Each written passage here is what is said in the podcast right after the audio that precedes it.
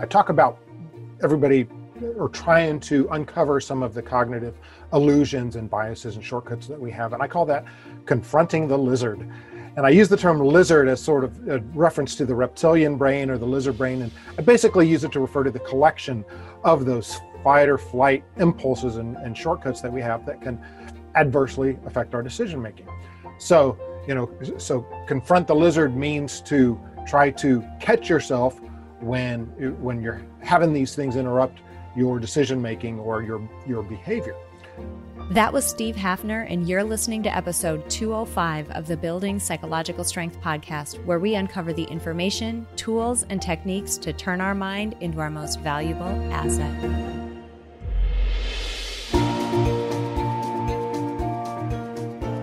The courage to face fears with persistence. Being able to be present enough in this moment to choose my response thoughtfully. We have the strength to bend to life stressors, to bend to adversity without snapping, without breaking. There are only six things that contribute to our quality of life, and they are all experiences. In every moment, we are deciding who we want to be and how we want to live our lives. Noticing what your brain is doing and then being able to make choices mobilize the things that we know lift us up. Hey, everybody, welcome back to the Building Psychological Strength podcast. My name is April and I'm your host. If this is your first episode with us, let me take a minute to say welcome. I'm so happy you're here. And if you're returning for another episode, welcome. Welcome back. I'm so happy you're all here. It's been interesting because on the back end, when I publish these podcast episodes, I can actually see some statistics about how many times my podcast is being downloaded, where the podcast is being downloaded from, uh, you know, over time, how things are looking, trends, that type of thing. And what's been really interesting is we are trending steeply these days, which is amazing. So I say that because I like to think that the information that we cover in this podcast, the importance of the field of psychology and life design is becoming more and more known to people as we've gone through some really adverse situations recently. Um, we've all had to face a lot of difficulty in our lives, some difficult decisions, and a lot to juggle, and uh, saying yes and saying no to some things. And that requires a level of self awareness, that requires a level of intention, and that requires a level of psychological strength that we haven't been needed or we haven't been asked to need or have as much as we are recently. So I wanted to just take a moment to say, Hi, I'm really glad you're here. I'm really glad you're taking this time to dive into yourself, to learn these topics and learn some new techniques about how you can improve your life experience. Because the thing is, we talk a lot about psych strength, we talk a lot about positive psychology, we talk about all these tools and techniques, and they are amazing when life is great. They work incredibly well when life is great. But the real power in the techniques and the tools that we uncover on this podcast, the real value lies in using them when life isn't so easy. When life hands you difficulty and adversity, and you have to figure out how to move through it, and you still want to thrive in spite of the fact that things are hard right now. That's why I'm excited that you're here because you recognize that and you're here for it to do the work. So, welcome. I'm so glad you're here. I'm excited about this week's topic. This week, we're talking to somebody with a job. Uh, I've actually never spoken to somebody with this job before. This week, we're speaking to a professional ma- uh, magician. Now, that may seem completely unrelated to what we talk about here, but it's actually not. The field of magic relies on the assumption that people have certain expectations about how the world works.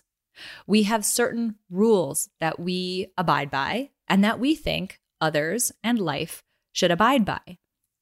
And it seems like magic, these tricks and illusions that professional mag- magicians perform, seems like magic because they essentially exploit those expectations and subvert them. And that's why we think it's magical. And the cool thing about this week's discussion is this happens to us all the time outside of the context of a magic show that we willingly go into knowing that we're going to be deceived. We all have our own lens, our own individual, unique as your fingerprint lens through which you see the world. And we open this episode by talking about that and where it comes from, and the fact that the majority of the time, it isn't accurate. It's not accurate to reality, and how that doesn't matter. That's not what we're going after. Rather, what we're looking for is that lens through which you see the world. Is it allowing you to make decisions that are aligned to who you truly are? Is it allowing you to move through life in a way that feels good, that feels joyful, that feels right to you? Is that lens helpful for you? And if it's not, how do we work to adjust it or how do we work to move forward in spite of it? This is such a foundational principle of psychological strength. And we talk about that at the beginning half of this episode. And then we make a really cool pivot to talk about another foundational principle of psych strength, and that is values. And I want to tell you right now, before you kind of roll your eyes and think that this is going to be a fluffy discussion, before you think that this isn't important or somehow doesn't apply to you, right now in the field of psychology, there is a massive shift to focus more and more on helping people, individuals, not people like, oh, everyone values family, everyone values friendship, everyone values connection. Not those overarching things that we all think are important, but truly at an individual, as custom as your fingerprint level, what are the ways in which you want to live? Think about words that end up end with the with the letters ly. I want to live authentically. I want to live honestly. I want to live actively. I want to live what? Think about those as the values that would guide your life and think about the adjectives and adverbs that you would want used to describe you and the way that you live if somebody were speaking at your funeral? What are the ways that you want people to see you live? That's what we're talking about. And the field of psychology is really pivoting to help people understand what those are, because what we're finding is being able to hold on to them as a North Star, to point toward them when the road ahead feels transparent or translucent. When it feels translucent, which one is the one you can't see through? Wow.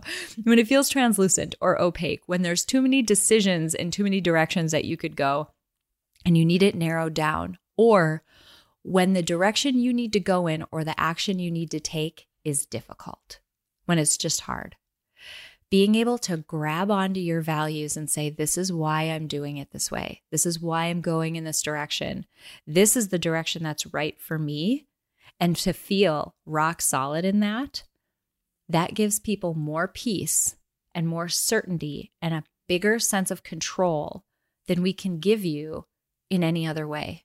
That's why I'm so excited we're talking about this today. We have a big conversation about it and how it impacted Steve, and I'll get to his bio in just a moment, how it impacted Steve, our guest this week, his own life, and how he brings that into the content and the work that he does now. Now, values is such a critical foundation for any work that you do in psychological strength or life design that we actually made it a big part of a free three video series that we have for you right now. I mentioned absolutely free. You can sign up to get it right now on our website. If you scroll down on this episode description or visit our show notes page, there's a link to that sign up page. You can head over there, sign up right now, and get immediately access immediate access to that first video that will guide you through a values exercise. I highly suggest you do that. And do that and think about what you hear in this episode and how much courage that would give you to move forward and take action in ways that I think deep down you know you need to move and you know you need to take. So, I encourage you to head over to that three part video series. Now, scroll down on this episode description and you'll find the link. Now, let's get to Steve. Steve Hafner. I mentioned he's a professional mu- uh, magician, but here's the really cool thing he had a 30, a successful 30 year career in information systems. He was a tech guy, a computer programmer. He was a VP of performance measurement systems for a Fortune 500 healthcare information corporation. And seemingly, on a whim, he walked into his boss's office and he quit to become a professional magician. I'm sure people thought he was having a midlife crisis. They thought he was crazy. But what was really happening is he was realigning to the values that he knew all along through his life were right for him. As you listen to his story and as you listen to the content that he shares, I want you to be thinking about what are those misalignments in your life because you know they're there. What are they for you?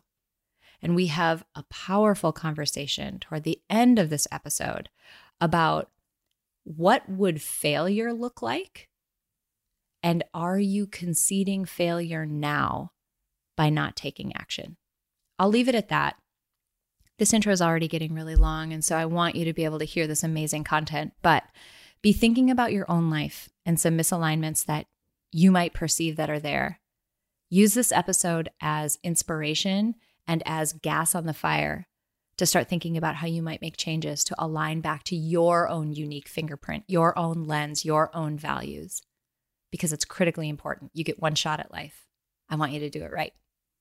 All right, let's get to this week's episode. I'm so excited for you to meet Steve Hafner and to learn about the illusions and disillusions that guide the lens through which we see the world. Let's roll that interview. Steve, I'm so excited to have you on the show. You have a background that is one that I have not spoken to a person with a background like yours before. And you have a really cool area of expertise that aligns so beautifully with the work that we do at Peak Mind. So thank you so much for being here for this episode. Oh, you're welcome. I'm very glad to be here. Thanks for having me.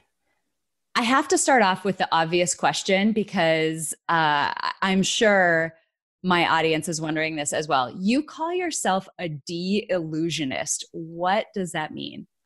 Well, it's a term I made up. I love it. yeah, it just came up. Well, I, you know, I was thinking of disillusionist, but disillusionment, people have, even though I think it's a positive thing, people have a negative connotation sure, what sure. disillusionment means. So I came up with de illusionist, and it's a play on the term illusionist because my background, although I don't perform as a magician now is I, after a 30 year corporate career, I became a magician. So I learned all about illusions and how the mind is fooled. And I use it for entertainment. I mean, people want to be fooled. They want to have those illusions in the context of entertainment, a magic show. But when it comes to life and making decisions, illusions can put you in the wrong direction. So you don't want illusions clouding your your thinking and your decision making.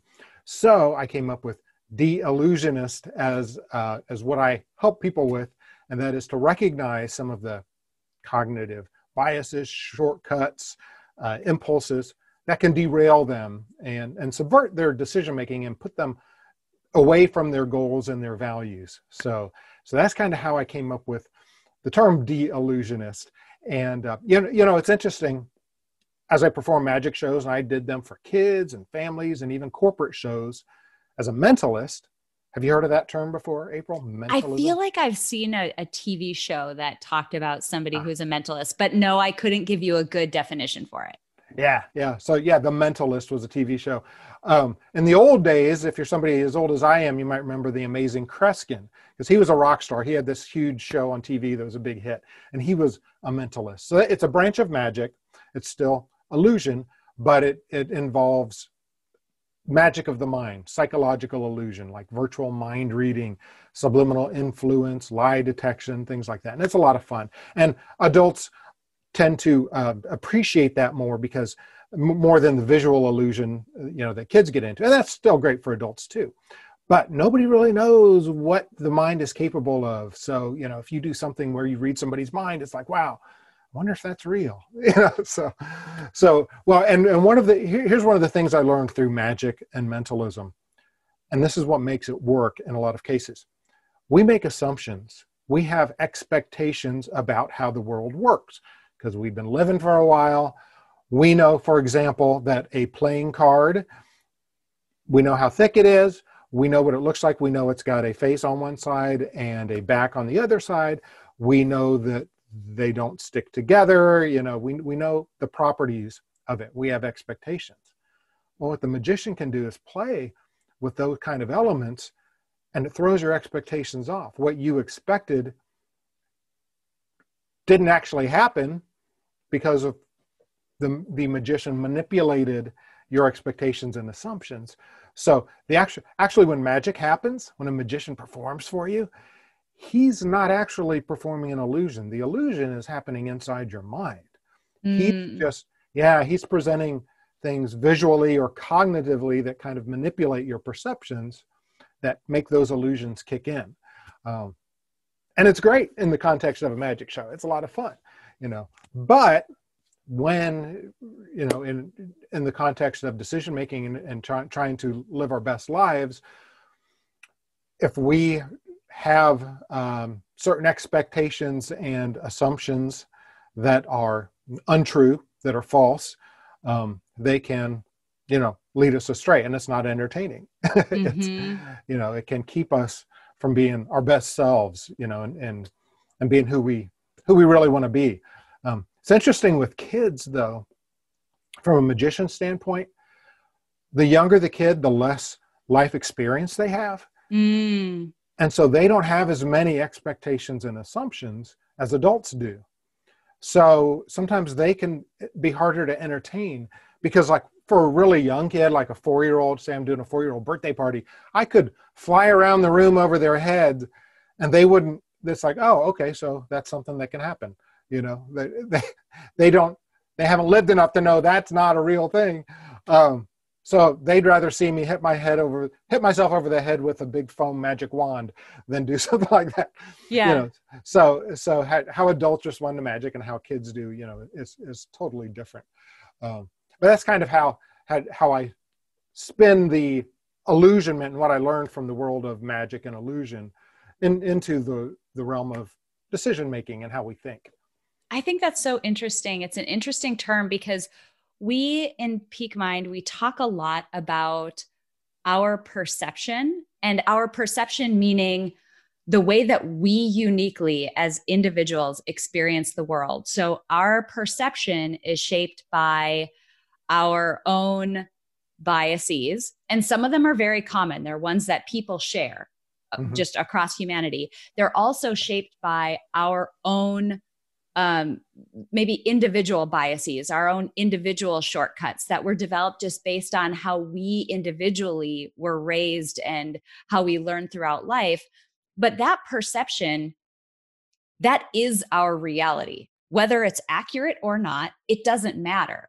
It is the reality that we're living in and all of those biases those those heuristics those shortcuts the all the all the uh, the analogies that we could use right synonyms that we right. could use those really set up the lens through which we see the world and that's one of the reasons there there are many but that's one of the most fundamental reasons why i want people to understand at a mechanical level kind of how their mind works because you start to see it doesn't matter if it's accurate or not. It doesn't matter if this reflects true reality or not. That is your reality, and that's affecting how you experience the world. I'll give one quick example. Mm-hmm. If you think about somebody who might have a distorted view of what their body looks like, right? Mm-hmm. Their lens through which they see the world is through this view of their body being different than how it realistically is.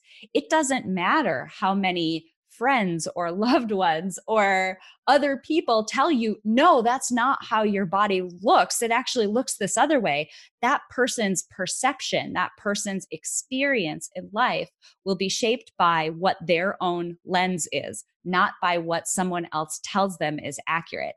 So I'm belaboring this point a little bit because I want people to understand how powerful that lens is, how powerful those perceptions are, and to just lose the notion right away that somehow our goal is to get to accurate. It's not necessarily. We talk a lot about how your goal is to get to something, and I think we'll go there in this conversation. Our goal is to get in a direction that is helpful. Our goal is to get in a direction that is pointed toward who you truly are. I don't care about reality necessarily. I care more about are you pointed in a direction that feels authentic and aligned to you? whether or not that is a perfect example of reality in somebody else's eyes or not. And absolutely. I'll pause there. Yeah, yeah, absolutely. And you know, the whole body image thing, to me, like, or, or, or to just about anybody that doesn't have it, anorexia seems so perplexing. It's like, how can you not see how, you know, how thin you are? How do you have this distorted sense? But we're not them. How you know, powerful, huh? Their reality is so different. And this is, you know we all talk we talk often about superpowers like what's your superpower because everybody yeah. has something that they think they do better and i have I, I identified for me it's not magic and it's not mentalism it's non-judgment so here's and i thought about this a lot um, i tend not to judge people. I, I think i'm a little better at it than other people and i'm not trying to brag about it or anything. It, it's it's just from my experience. But our brain you know it's a soup of ingredients. It's it's you know what we're born with our experiences our education parenting trauma we've gone through chemicals diet exercise and many other things that create the soup of our brain and how our mind works and who we are and they all affect how we think and what our attitudes are our beliefs our ability to compare things our iq how we perceive the world and everything and everybody has a different set of ingredients. Mm-hmm. Nobody has the same ingredients going into their soup. So, you know, if I see somebody do something stupid or horrible or maybe evil, some people would say, sure, I'll, I'll judge that action. You know, that was a terrible thing to do. But I try not to judge that person because that could be me. If I had their soup, how do I know I would act any differently? Right. So, anyway so that's just uh, yeah i think non-judgment is important because we all do have different realities and perceptions I think that's so interesting, right? We judge people through the lens that we're living, right? Like through the lens mm-hmm. that we've constructed. And that goes back yeah. to some of those shared heuristics. We've talked a lot about how, you know, fortunately or unfortunately, sometimes more unfortunately, we are all walking around with an operating system that was developed in a time that looks nothing like the time that we're living in, right? Our, our Right. Our minds are very old. They the the hardware and uh, some of the software that we're running on is ancient. And unfortunately, it still tricks us into doing some common things like threat seeking. We're just trying to stay alive. Like we seek out threat, we seek out negativity. But then you think about so some of those are very common and shared, right? But the individual pieces that are based on your own life experience, your own eh, feedback from the world and from other people, that's where this gets really interesting. And you start to think about um, where somebody has come throughout their life. You think about that person. Eh, think, I mean, the easiest way to do this is to think about somebody you just fundamentally disagree with. You do not like that person. They were once a baby who didn't have that set of beliefs, who didn't have that worldview. Where must it have come from to get them from being that baby, which most like babies are all very similar to one another in terms of just how they interact with the world? Where must they have come from to get to the point that they're at now? I always I think that's such an easy way to help people develop compassion for others and to get to that point of non-judgment is think about what must have happened. Exactly. You know, I'm sure everybody in your audience has has had the experience at least once where you have made a snap judgment about somebody said, "Oh, that I don't like that person. They are a bad person." And then later you learn what their story is. And you're like, "Oh, you know, and you regret having made that snap judgment because they went through a lot of crap in their life that you didn't even know about and now you've got more empathy and more compassion for them Yeah, absolutely. There's another uh, piece that I want to make sure that we hit on. Um, it's another one of those pieces that are that's very individual to each person, and that is our value system. This is something that is very fundamental to the the message that you share, the content that you speak about when you do, you know, public speaking. Tell us a little bit about the role that values plays in the way that we approach life and that lens that we've been talking about. Sure, sure. So I, you know, I, I talk about everybody or trying to uncover some of the cognitive illusions and biases and shortcuts that we have, and I call that confronting the lizard. And I use the term lizard as sort of a reference to the reptilian brain or the lizard brain, and I basically use it to refer to the collection of those fight or flight impulses and, and shortcuts that we have that can adversely affect our decision making. So, you know, so confront the lizard means to try to catch yourself when when you're having these things interrupt your decision making or your your behavior. And then kick it up to your big brain your your the big human part the prefrontal lobe that we uniquely have as humans that can do executive level decision making and then instead of allowing those subconscious influences to interfere with our decision making run it through the filter of your values and then you'll be making decisions that are more in line with who you want to be and how you want to be perceived, right? I mean, we all have those situations where we later ask ourselves, ah, what was I thinking? You know, when I, I made, said that stupid thing, I, you know, did that, that thing that was not, that didn't reflect who I am. I'm so embarrassed. And what was I thinking? Why did I do that? You know, and a lot of times that's because what we did doesn't align with our values. Mm. So the first step in in being able to use values as a filter is knowing what our values are. That's you know, important. That's important mm. because I guarantee there's somebody who's listening to this who's like, yeah, yeah, yeah. I know, I know. I know what my values are. La la la la la. I would challenge you if you're listening to this episode, can you rattle them off right now? Top five. What are they right now? And if you can't quickly and articulately and concisely rattle off these are the ways in which I want to live my life.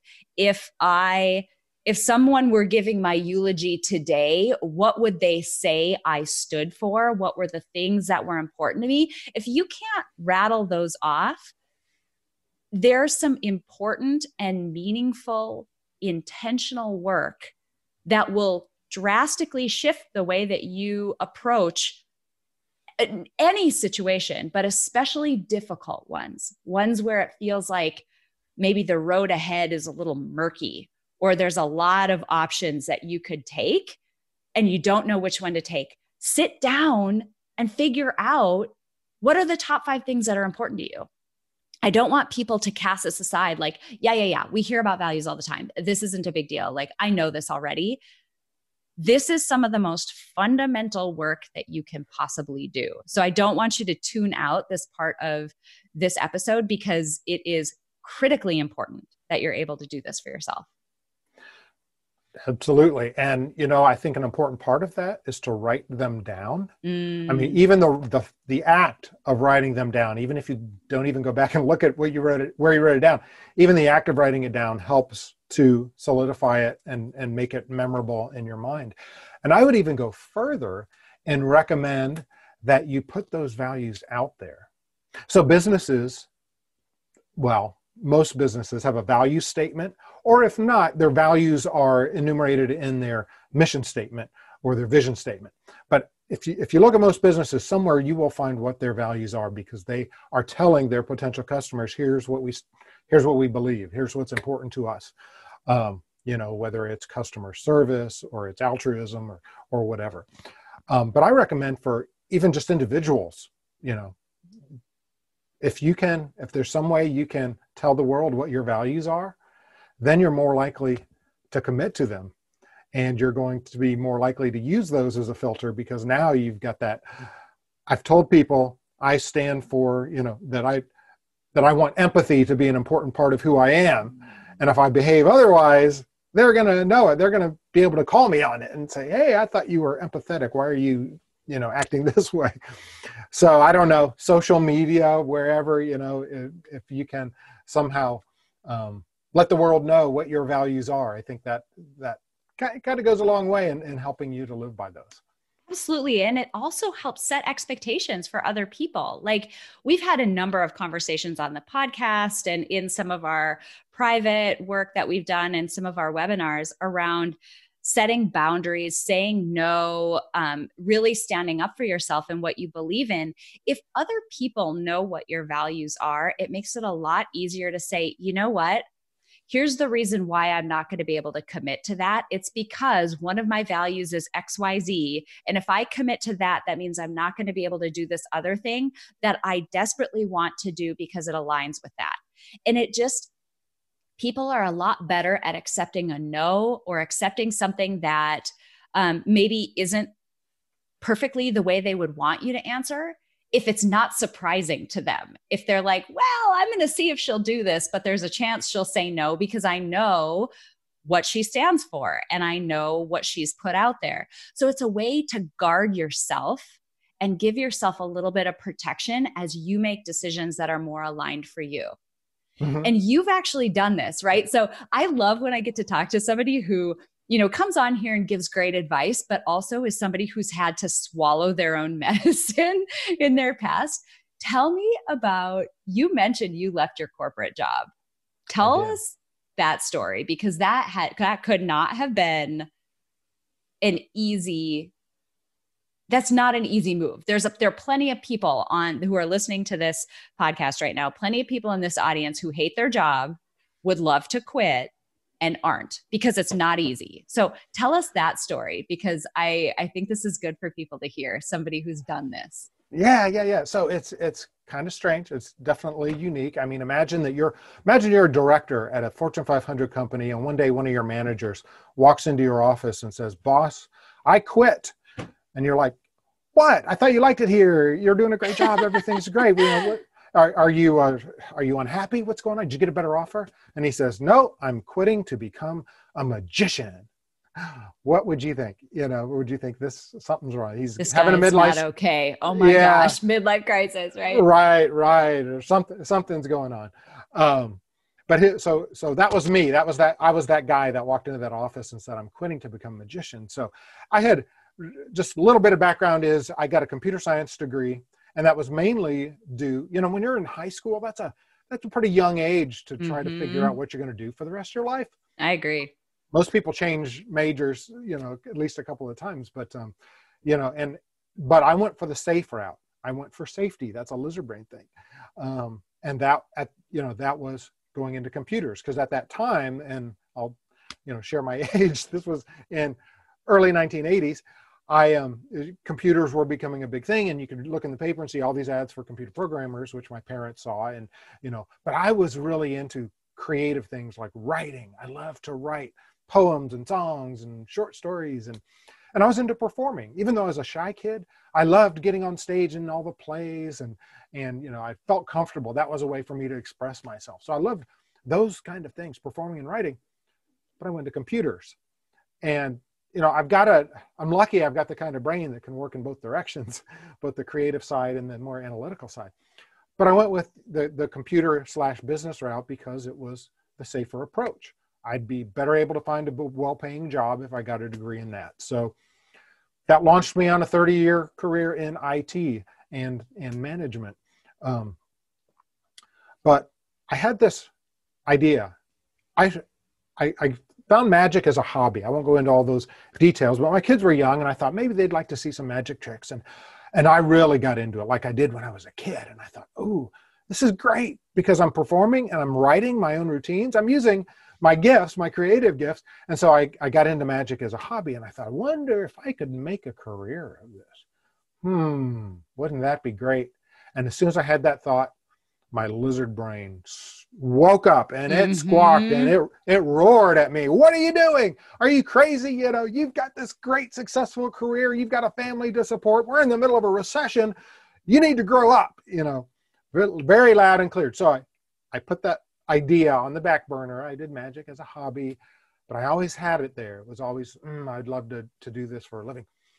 Well, there was a point where things in, in my career, I was starting to hate my job. I had switched jobs a year earlier. I wasn't liking what I was doing, and that idea, that that that um, desire, that urge, was coming up again. You know, you can do this.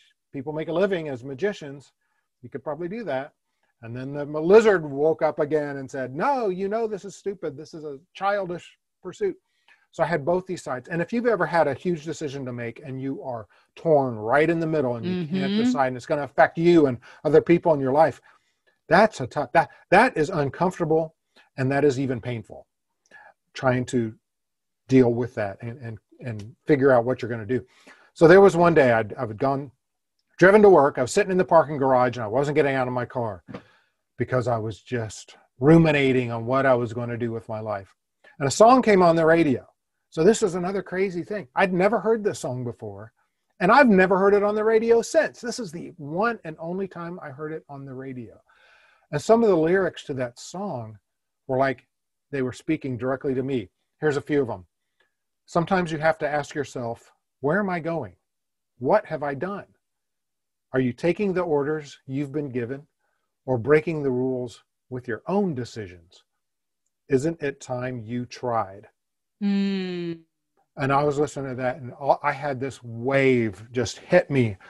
I can't even describe if it was relief or what, but it was a wave of emotion, and I actually had tears coming. To, and I'm not a crier. I'm I'm really not. I'm, I'm pretty stoic, but um, it just it, it hit me. It's like it said, "Yeah, I know what I have to do. You know, I have to be bold. And I'm not a risk taker, but this is something I have to do." Shortly after that, there I was standing in my boss's office saying, I'm going to become a magician. And, you know, I thought he would laugh at me. He didn't laugh, but he smiled, you know, and he, he said something I really liked. I've always remembered. He said, you know, he said, I think that's awesome. He goes, tell you the truth, I wish I had a passion that I could bolt from the corporate world and make a living at as well. Mm-hmm.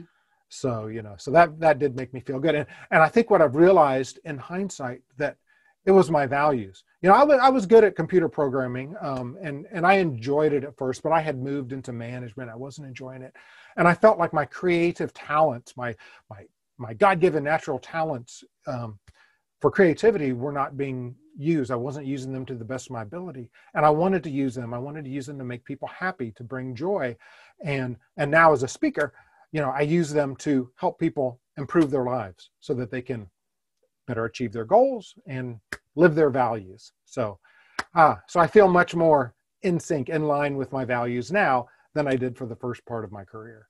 Let me ask you this. What would you have done? What would your plan B have been? Let's say you went and you tried this magician thing. It just utterly did not work. You couldn't do it.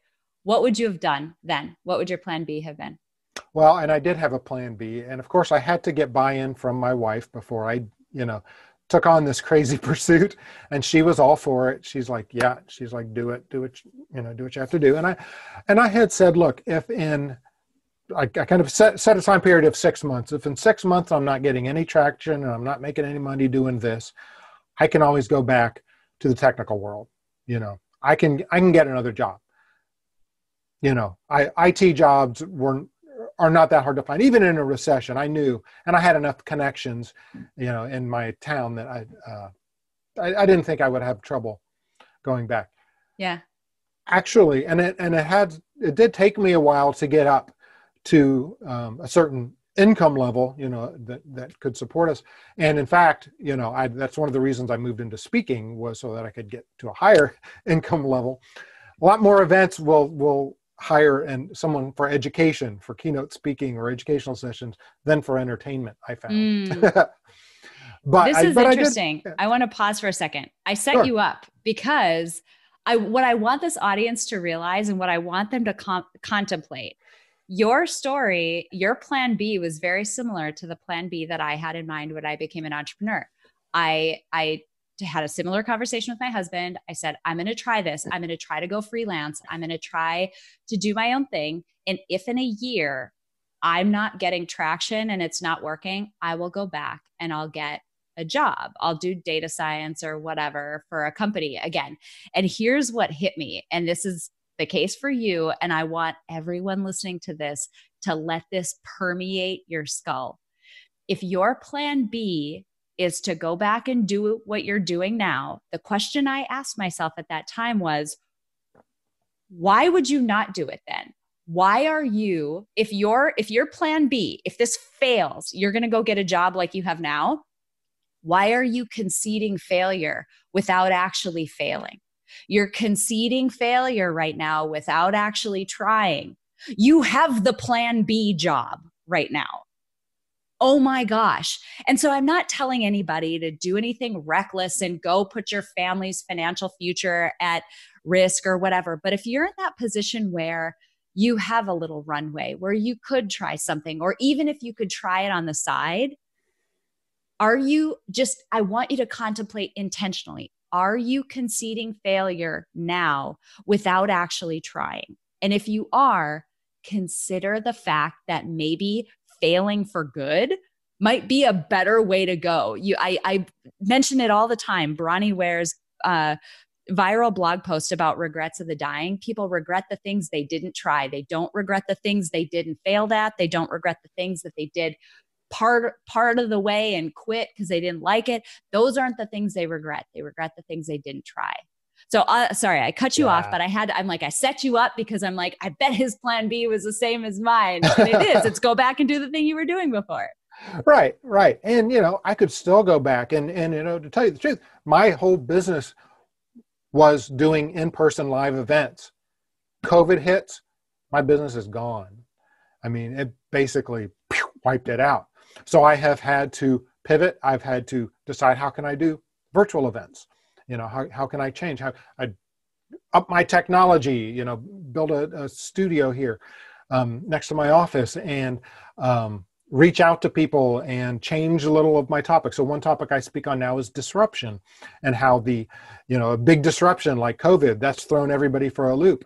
And that affects our brain and that affects how we make decisions. And a lot of those cognitive biases really ramp up when we're tr- when we're faced with a huge negative disruption like that. So you know, so so I've learned to, to make adjustments and and and make pivots, and I think you have to do that. I mean, I, you know, I was first doing magic for kids and family shows, which was great. I loved it, you know, but I needed to figure out how to uh, ramp up my income, and I started doing corporate mentalism shows, and then you know, I I pivoted doing some trade show work and. Um, doing magic at trade shows for companies that are exhibiting to to bring in leads and then into into speaking which is where i'm you know i've i've settled in now. But i still if i need to you know who knows what the future is going to bring with this covid stuff and how long we're going to be in lockdown and if i'm going to be able to get my business back to where i need to you know i if i need to i could still go back to the tech world. Maybe my wife was saying maybe part-time you know, if I need to. I'm not at that point where I have to do that now, and I hopefully never will, because I had like working for myself and not somebody else. it is. It's awesome, and I.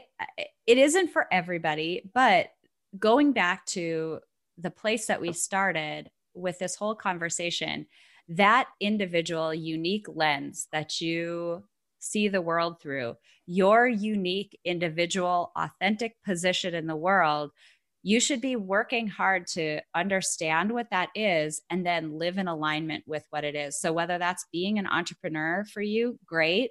If it means staying in that corporate job, but even switching fields, great.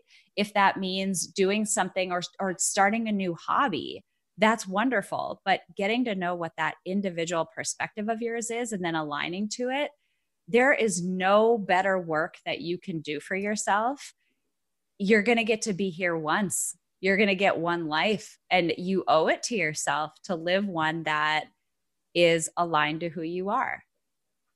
I would love well for said. you. I would love for you, given your expertise and your background, what's your definition of psychological strength? Uh, and, and that is a great term. And I love that you that that you came up with that because um, and, and, there's there's so much to it. And i'm sure everybody everybody that you have on your podcast has a different definition. Um, to me it comes down to the willingness and ability so both parts to recognize resist and outsmart your reactionary impulses your drive for immediate gratification so that you can focus on achieving your long-term goals and living your core values. So that's I it. love that. Yeah, willingness and ability. Now, ability is something that you can you can build, but you first have to be willing to do it. I love that. That's so good.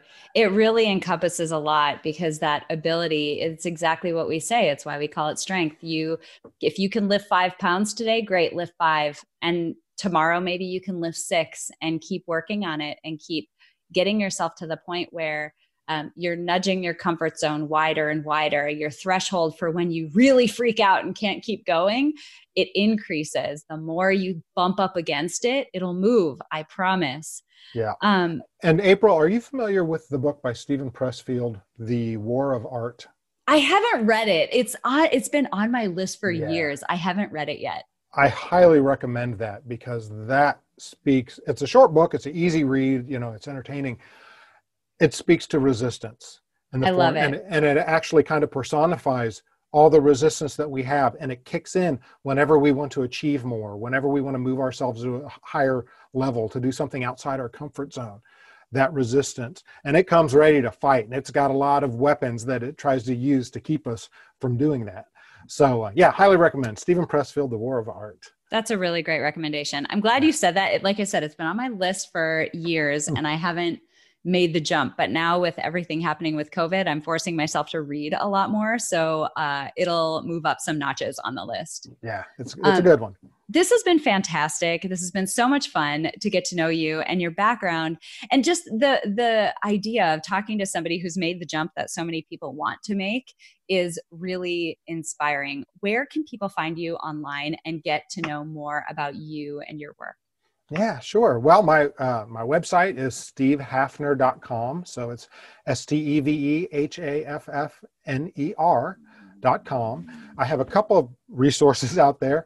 One is um, I've got a newsletter. It comes out once every three weeks. It's called the Invisible Mind Blocks Newsletter. Mm, So I think I think that's my term for your term, um, dark mental matter. Yeah, uh, from the TED Talk. Yeah, yeah. So I use the term invisible mind blocks, and it it is all these things that inter- interfere with our decision making. So, um, so it comes out once every three weeks. I don't spam you or try to, you know, try to sell you anything. It, it's uh, it's just a little bit of extra push, a little bit of extra um, knowledge, motivation, you know, to keep you going once every three weeks. Uh, I have a ebook out there uh, called Seven Strategies for Making Great Decisions. You can find that on my website as well. Amazing. I'll make sure I link up that website in the episode description. So if you're interested and are listening to this on your mobile device, you should be able to just swipe up and scroll down and get to that link. Um, Steve, this has been awesome. It's been so much fun. You have such a great approach to all of this content and from such a cool angle of being a magician yourself. So thank you so much for taking the time and hanging out with us today on this episode. Oh, you're so nice. This has been so enjoyable. I've had a great time. Can't believe how fast the time has flown. I know it's crazy, huh? Thanks so much. You bet. Thanks. It's a simple fact that nearly everyone in the world could benefit from building psychological strength, but not everyone will put in the time and effort to do so. But today you did. Thank you so much for listening to this episode of Building Psychological Strength.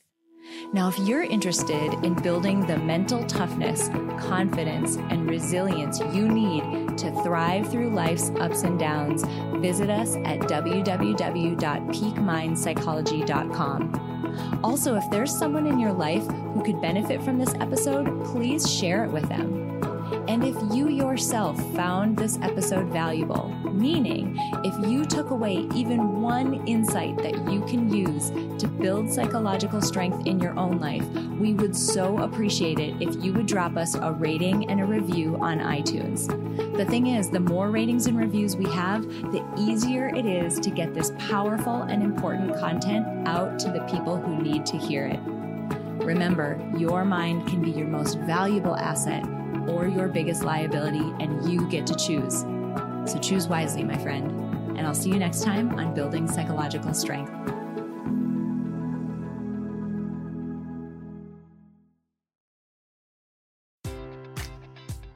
Enjoy all your favorite sports like never before at BetMGM. Sign up using code CHAMPION and receive up to $1,500 back in bonus bets if you don't win your first bet. When you register with BetMGM, you'll get instant access to a variety of parlay selection features, live betting options, and the best daily promotions in the business. And with BetMGM at your fingertips, every play and every game matters more than ever. Remember to use code CHAMPION and receive up to $1,500 back in bonus bets if you don't win your first bet. Place your money line, prop, or parlay bets with the king of sportsbooks today. BetMGM and GameSense remind you to play responsibly. See BetMGM.com for terms. 21 plus only, Virginia only. New customer offer, subject to eligibility requirements. Rewards are non withdrawable bonus bets that expire in seven days. Gambling problem? Call 1 800 Gambler. Promotion, promotional offer not available in Washington, D.C.